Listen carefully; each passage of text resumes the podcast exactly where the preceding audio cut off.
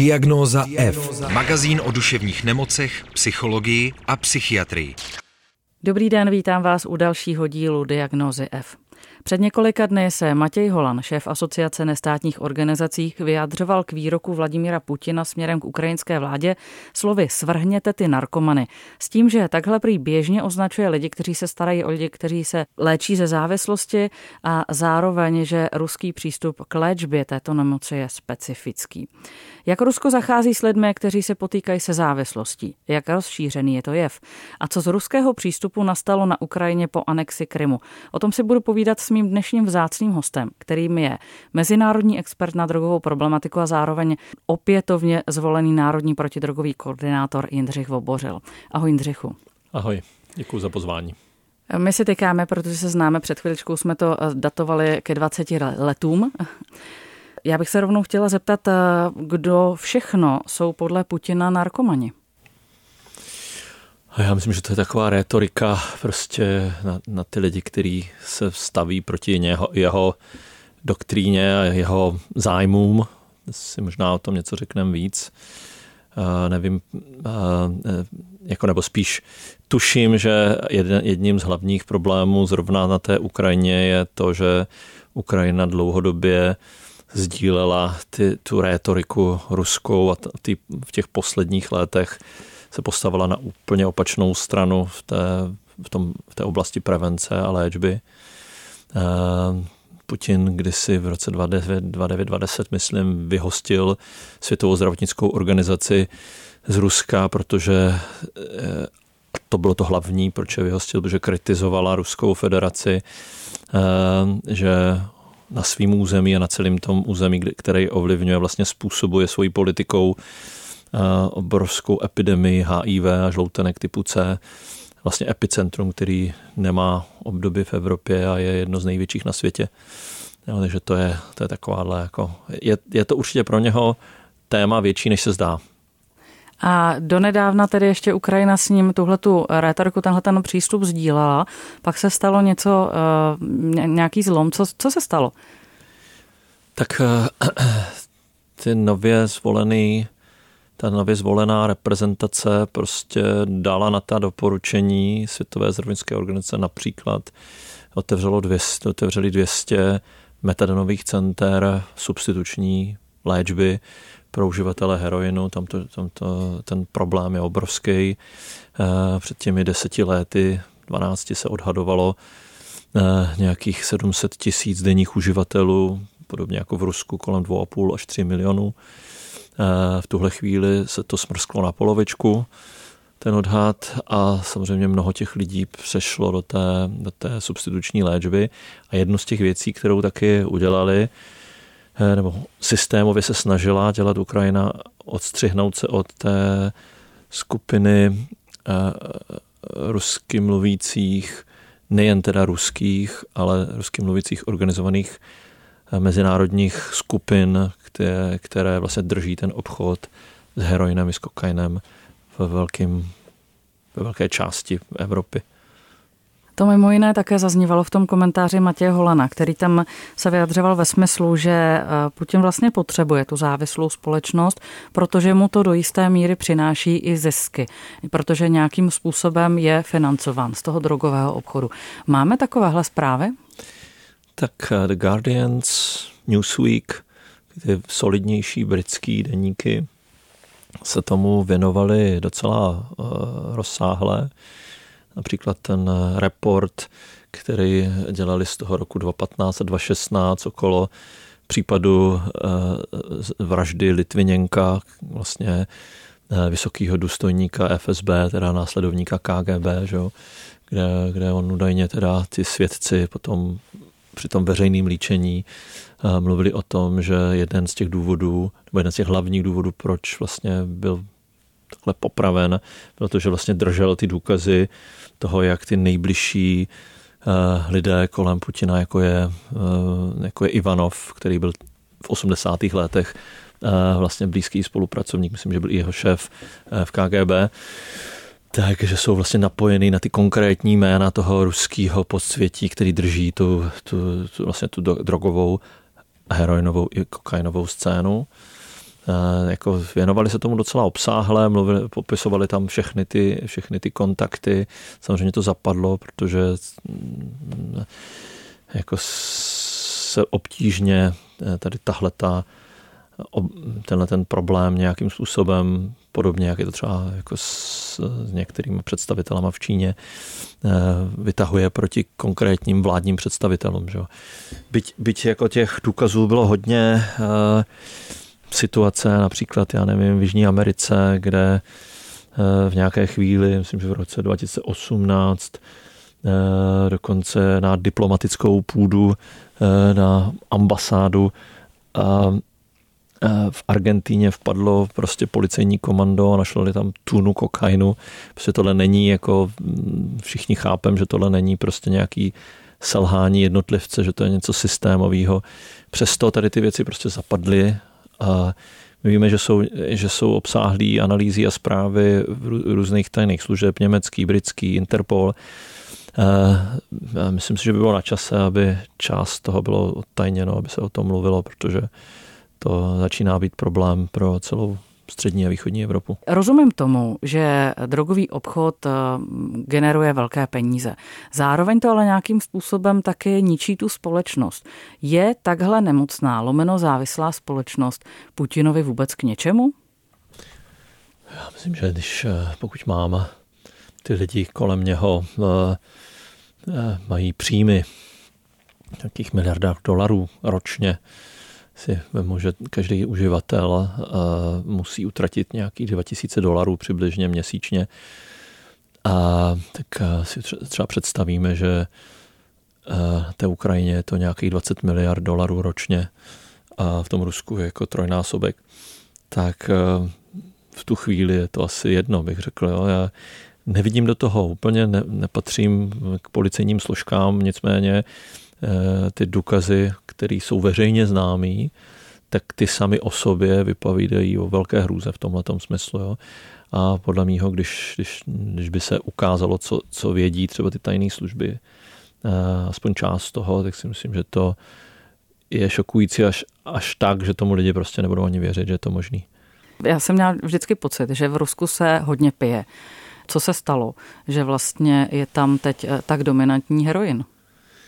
Tak právě, že ty zprávy, o kterých mluvil Guardian, o kterých vlastně mluvil ten, tento soudní přelíčení Litviněnka, eh, tak eh, oni upozorňují na to, že, eh, že tahle ta partička vlastně kolem Vladimíra Putina, především ten, ten, ten Ivanov, který se právě, právě potom byl mým protějškem, že národním protidrogovým koordinátorem paradoxně, takže byl zapojen tady do toho, do toho obchodu, především s kokainem, Eh, v Petrohradě už v 80. letech. Jo, takže že to není asi nic nového. Já si vzpomínám v těch 90. letech, kdy naběhla prostě taková ta nejdrsnější rusky mluvící skupina na ty naše výrobce pervitinu eh, v Brně například a šla jednotliví lidi, ty vařický byty takzvaný, z pistolí u hlavy a budeš kromě svého pervitinu taky prodávat heroin. Teď byli jako 20-letí uživatelé, kteří s nimi nic takového domluvit nešlo, jo, to nepochopili jakoby ta, ta, ta rusky mluvící mafie tehdy. Oni to samozřejmě slíbili a nic takového nebylo. My jsme pak v těch 90. letech dekriminalizovali, drže, dekriminalizovali držení pro vlastní potřebu a vlastně se eh, tady nikdy ten, tenhle ten, tenhle ten biznis tak ne, neusadil. Nicméně už od 90. let to prostě v tom Rusku rostlo. Byla tam podobná situace, že v, Rus, v Moskvě například bylo dost výrobců pervitinu, ale všichni potom přešli na, ten, na to zapojení do toho, nebo ne všichni, a velký, velká část eh, přešla na to zapojení do toho prodeje heroinu. Takže to, to tam jako souvisí. Samozřejmě Rusko dlouho bylo spojený eh, jako má ty obchodní lidský vazby na Afganistán, kde je 90% výroby.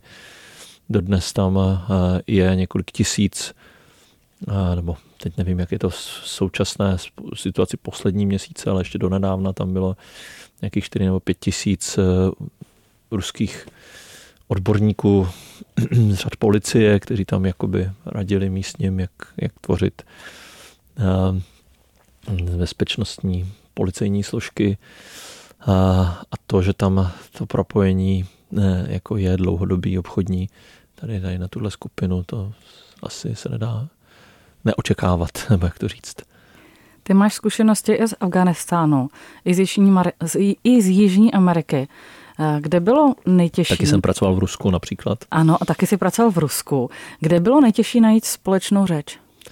No právě, že já jsem po několika letech práce v Afghánistánu a zkušenosti z Kolumbie, z Bolívie, měl pocit, že se domluvím přece v Rusku, že to je přece jenom bližší jako kultura. A hodně s velkou naivitou jsem tam šel do, do nějaké pracovní pobídky UNODC a, a vlastně dlouho mě trvalo pochopit, proč se tam nejsem schopen domluvit, protože to je systémová věc než to Afghánistán byla země, která byla rozbitá, ty lidi zoufale chtěli jakoukoliv pomoc a byli vlastně otevřenější mnohem. Takže pro mě největší vyhoření, nebo jak to říct, a neschopnost vlastně jako udělat nějaký kroky, tak bylo právě v, právě v Moskvě. Znamená to, že Rusko se tváří, že drogový problém není, nebo jak s ním vlastně zachází? Jak zachází s lidmi, kteří jsou závislí? Tak tam samozřejmě jsou nějaké léčebné modality, tak jako z 80. let u nás, to znamená psychiatrické léčebny, eh, abstinenční léčba, kdo chce. Samozřejmě to, je, to jsou na to množství několika milionů lidí, jako hm, prostě kapka v moři, že jo? to jsou několik tisíc lůžek, takže to, to prostě je jako neřešitelná situace a organizace, které dostávaly nějaké prostředky z třeba z Global Fund a snažili se o nějakou ambulantní pomoc a, a prevenci HIV a podobně, tak byly označeny za nepřátelské nevládní organizace. Dostali se na ten seznam jejich, že? A e, takže že jakoby v tomhle smyslu e, jako preventivním a léčebným mají tady tohleto, tu, ten, tu rétoriku těch 80. let. To je to, co já jsem se tam vlastně snažil, jako, nebo na co já jsem byl naj, najat, abych jako přines nějaký nový poznatky a dostal jsem se do situace, že když jsem popsal nějaký typy modalit léčebných, tak mě bylo řečeno, že některý prostě popisovat nesmím a že mám vyhodit ty kapitoly. Já jsem říkal, to nejde, to, to je jenom popis, prostě ani neříkám, že to máte, nemáte, dělat, jenom dělám popis ne prostě cenzura, takže jsem se s nimi samozřejmě dohádal, že mě cenzurovat nebudou.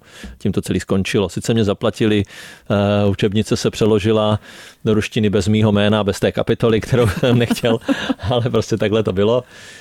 Uh, tam, tam toho bylo víc, uh, kolem toho to nemá cenu rozebírat. A jinak jako na té mezinárodní scéně je právě Rusko jedna z těch hlavních pro, proponentů, propagátorů, držitelů té prohybiční rétoriky a prohybiční politiky, takže ty, ty evropské země, latinskoamerické země a ještě nějaké další, které mají, které mají takový ten přístup jako víc k, směrem k veřejnému zdraví, tak se vždycky na, na úrovni OSN, kde jsem několikrát byl potom hlavou delegace eh, čes, české, tak jsme se vždycky dostali do sporu. Vždycky v tom byl, byl lídr, eh, bylo Rusko, že jo, ve spojení s Čínou, což mluví samo za sebe, a ve spojení jim s Iránem, a vždycky tady ty země, které třeba jako mají jim popravu, zadržení pár gramů něčeho, tak, eh, tak to, to, tohleto spojení a, eh, jako byla právě tady ta ruská retorika. A oni, oni jsou jedni z těch hlavních, kteří drží tady ten, tu úvahu, že prostě eh, samotné užívání je vlastně kriminální čin. Co se stalo na, na Ukrajině, respektive na Krymu, po té, co byl anektován Ruskem? No, nejenom na Krymu, ale hned první dny na Donbasu ruská armáda postavila, takhle důležitý to pro ně je, ruská armáda postavila vojáka před eh, metadonové, eh, metadonovou kliniku, zákaz, eh, zákaz eh, této, tohoto typu léčby, který je doporučován všeobecně prostě nejen Světovou zdravotnickou organizací, ale všema prostě lékařskýma autoritama po celém světě. Máme k tomu desítky let dat, jak důležitá je, obzvlášť u těch opioidových závislostí, možnost, dostupnost eh, léčby, eh, substituční léčby. Ta, ta, ta, to, že to udělali hned na Krymu, hned, hned ten první den, je asi jako jasný, jasný signál, jak je to pro ně důležitý, ale ještě víc pro mě bylo překvapivý, jak to pro ně je důležitý, když to udělali i na tom, v tom chaosu hned na začátku, na tom Donbasu, kde, kde se kde dlouho tvrdili, že, že to není jejich intervence, že to, tady, to jsou ti místní lidi, kteří to chtějí nějak, přesto tam stál úplně nepokrytě vojský voják před prostě klinikou. Takže toto ve chvíli, kdyby se tohle přeneslo zpět na, na celou Ukrajinu, kde je 200 těchto klinik, kde jsou tisíce lidí, kteří eh, vlastně chodí do práce, normálně fungují a dostávají tenhle ten typ léčby, tak tehdy ti lidi utíkali do té západní Ukrajiny právě, nebo jinám do toho sovětského svazu, kam mohli, bývalýho, že, těch zemí do sovětského svazu. Někteří dorazili k nám jednotky jenom lidí do Česka. A že to zase nebylo, ten Krym zase není přece jenom tak obrovský. A no, takže tohle to samozřejmě je, je potíž, protože ten člověk, když, te, když tenhle lék má, tak normálně funguje, když nemá, no, tak eh, musí sahat opět po heroinu, což znamená sebou nese mnoho, mnoho problémů. Že? Ten Donbas, tak jak o něm mluvíš, tak to je taky událost eh, v té době anexe Krymu, anebo to je uh, událost teď před dvěma týdny? Ne, ne, to bylo v té době, kdy, kdy oni vlastně, kdy se tam začali, se ten Donbas začal mlít, že jako ty ty, ty, ty Ruskom, ty lidé, kteří se cítili být součástí spíš Ruska, nebo jsou Rusové na, na, na tom okraji té Ukrajiny, a, tak začali tvrdit, že, že chtějí jakoby samostatnost a byly tam najednou ty vojenské operace, které byly údajně teda zbouřenecký. A ne, a Rusové dlouho popírali, že, že, že, nebo ruská vláda dlouho popírala, že tam jsou jejich vlastní Eh, vojáci nebo jako z Ruské federace. V, tom, v té změti, v tom zmatku, kdy vůbec nebylo jasný, jak to tam dopadne, tak i, i, i v tomhle tom pro ně bylo ta, takhle důležité, aby ty metadonové kliniky tam zastavily. Jindřichu, ty říká, že eh, v Rusku, eh, nebo respektive na Ukrajině, bylo 200 metadonových klinik. Jenom pro představu, kolik jich je u nás? Je jich tam 200, u nás jich je 13, protože my heroinový problém máme opravdu mizivej ten odhad uživatelů heroinu v České republice je kolem 4 až 5 tisíc lidí pouze. Takže, takže jsou to nějaký, prostě nějaká tisícovka lidí je, je na metadonu. A že to tam jsou to samozřejmě mm, nějaký jako ke 20 tisícům lidí přibližně. Když odhledneme od faktu, že válka na Ukrajině je samozřejmě věc, která zasahuje mnoho lidí v mnoha různých oblastech a budeme se zaměřovat jenom teď na tu naši drogovou problematiku, eh, dá se předpokládat, že pakli, že by to všechno vlastně špatně dopadlo a Rusko by nějakým způsobem ovládlo eh, území na Ukrajině, že to nějak výrazněji zasáhne do drogové problematiky nebo, nebo do, na drogovou scénu po celé Evropě? Minimálně na tu naši no, už uprchlická krize to, to bude sebou ponese mnoho těch lidí, kteří kteří půjdou s těma uprchlíkama, jak jsou lidé jako napojení na tu ruskou stranu, napojení třeba i na ten organizovaný zločin, byť to je menšina, je to maličká skupina lidí, někteří jsou tady a tak jako budou mít žeň, No ale pokud se stane to, co, to, to, co nikdo nechce, aby pokud, pokud se podaří uh, Rusku vlastně ovládnout celou Ukrajinu, no tak samozřejmě musíme počítat s obrovským výbuchem. Je potřeba počítat s tím, že v Rusku ten problém přináší to, že ty nitrožilní uživatelé drog mají až 80% promořeno žloutenek typu C, což je velice nebezpečná nemoc a když se neléčí, tak je samozřejmě smrtelná. Ty lidi končí hrozně a, a je tam obrovský procento. Jsou různé odhady až k 50% těch lidí, že jsou už HIV pozitivní. Těma, mezi těmi uživateli. Mezi těmi uživateli. na té Ukrajině to kleslo výrazně k nějakým 20%. Pro srovnání Česká republika má méně než 1% HIV pozitivních mezi nitrožilními životy drog, protože jsme tady zavčas těch 90. letech právě eh, vytvořili dostatečný počet těch preventivních programů. Takže toto všechno může to být problém, pokud prostě zavčas na to nějak nezareagujeme. Jaké máme možnosti reakcí? Tak jednak jako si myslím, že my musíme už teď, už o tom jednáme s ministerstvem zdravotnictví a s dalšíma, musíme eh, jako rozšířit ten, ten, tu, tu substituční léčbu, protože, jak říkáme, tady máme primárně uživatele pervitinu, který, kde, kde tahle ta léčba ne, není, ta s tím nesouvisí. Takže tohle se musí změnit, mít dostatek té substituční látky a mít dostatek personálu, což si myslím, že v téhle fázi s tou, s tou první uprchlickou vlnou nebude tak zásadní. To budou snad jednotky, možná stovky lidí, víc ne. A pokud by se stalo to, co eh, jako se dělo na tom Krymu, že by to tam všechno, všechno tu účinnou léčbu zavřeli, tak jak třeba jsem mluvil s pacientem z Krymu, který, mu, který normálně chodil do práce, měl tři děti, normálně fungoval a, a oni mu řekli, OK, metadon nedostaneš, máš možnost léčby, eh, pojedeš na 6 měsíců do Petrohradu. A, takže úplně na opačném straně, opačné straně Ruska, jo, tak eh, to byl samozřejmě nesmysl, že jo? takže se zvedal s celou rodinou a odcházel tam, kde tu léčbu dostal, že jo? Na, té, na té Ukrajině. A takže tohleto by se prostě najednou mm, jako odehrálo, že ty lidi by se museli zvednout a jít, šli, jít někam jinam. A bylo by to téma eh, pro celou střední Evropu, pravděpodobně pro celou Evropu. Pro celou střední Evropu určitě. Říkám to, co, to, co jako tam samozřejmě nemají ani ty, ty preventivní programy. Uh,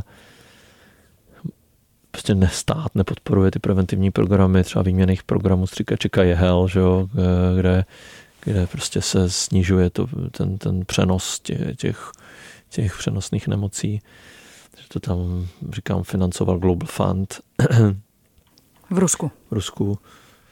Takže tohle všechno by skončilo. No. Ten, ten problém by tam obrovským způsobem narostl a je potřeba vědět, že tahle komunita těch uživatelů je mobilní jsou lidi, kteří prostě dají bundu a jdou. Že?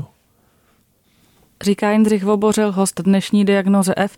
Velmi děkuji za dnešní rozhovor a doufám, že v nějakých lepších, veselějších časech se zase uslyšíme diagnoze F. Díky za rozhovor. Díky, jenom chci říct, že samozřejmě ty lidi, kteří přichází dnes, tak eh, to není ta skutečná, ten skutečný problém, nebo jak to říct, teď nemám to, ten, to, ten výraz k tomu, jo, že ten, ten problém může nastat ve chvíli, kdy to, se to celý změní. Díky. Potřebuješ duševní oporu? Všechno spraví náš podcast. Poslouchej diagnozu F kdykoliv a kdekoliv. Více na wave.cz lomeno podcasty. Partnerem tohoto pořadu jste vy, posluchači Českého rozhlasu. Už sto let vysíláme díky vám. Děkujeme.